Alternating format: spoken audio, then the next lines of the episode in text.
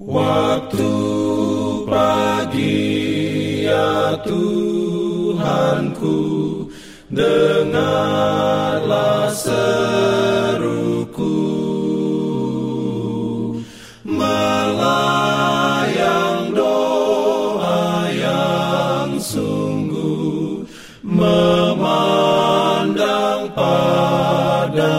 Selamat pagi pendengar Radio Advent Suara Pengharapan Mari mendengarkan suara Tuhan melalui tulisan pena inspirasi menjadi putra dan putri Allah. Renungan harian 25 Desember dengan judul Kita memiliki kuasa atas segala bangsa. Ayat inti diambil dari Wahyu 2 ayat 26. Firman Tuhan berbunyi, dan barang siapa menang dan melakukan pekerjaanku sampai kesudahannya, kepadanya akan kukaruniakan kuasa atas bangsa-bangsa.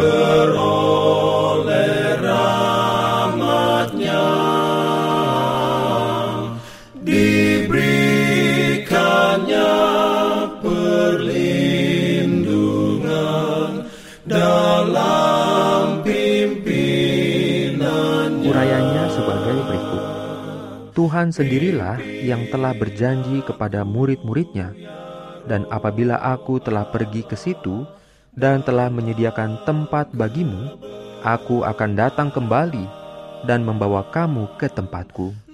Juru selamat yang berbelas kasihan itulah yang mengantisipasi rasa sepi dan duka cita para pengikutnya dengan meminta para malaikat untuk menghibur mereka dengan jaminan bahwa dia akan datang kembali secara pribadi, sama seperti dia naik ke surga. Sementara murid-murid itu berdiri menatap ke atas dengan tekun untuk memperhatikan pandangan terakhir dari dia yang mereka kasih itu, perhatian mereka pun tertahan oleh suatu kalimat. Hai orang-orang Galilea, mengapakah kamu berdiri melihat ke langit? Yesus ini yang terangkat ke sorga meninggalkan kamu akan datang kembali dengan cara yang sama seperti kamu melihat dia naik ke sorga.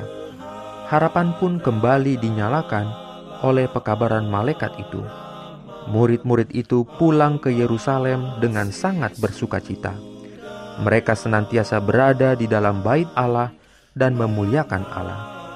Mereka tidak bersuka cita karena Yesus telah berpisah dari mereka dan mereka ditinggalkan untuk bergumul dengan segala ujian dan pencobaan dunia ini, melainkan mereka bersuka cita oleh karena jaminan malaikat itu bahwa Dia akan datang kembali.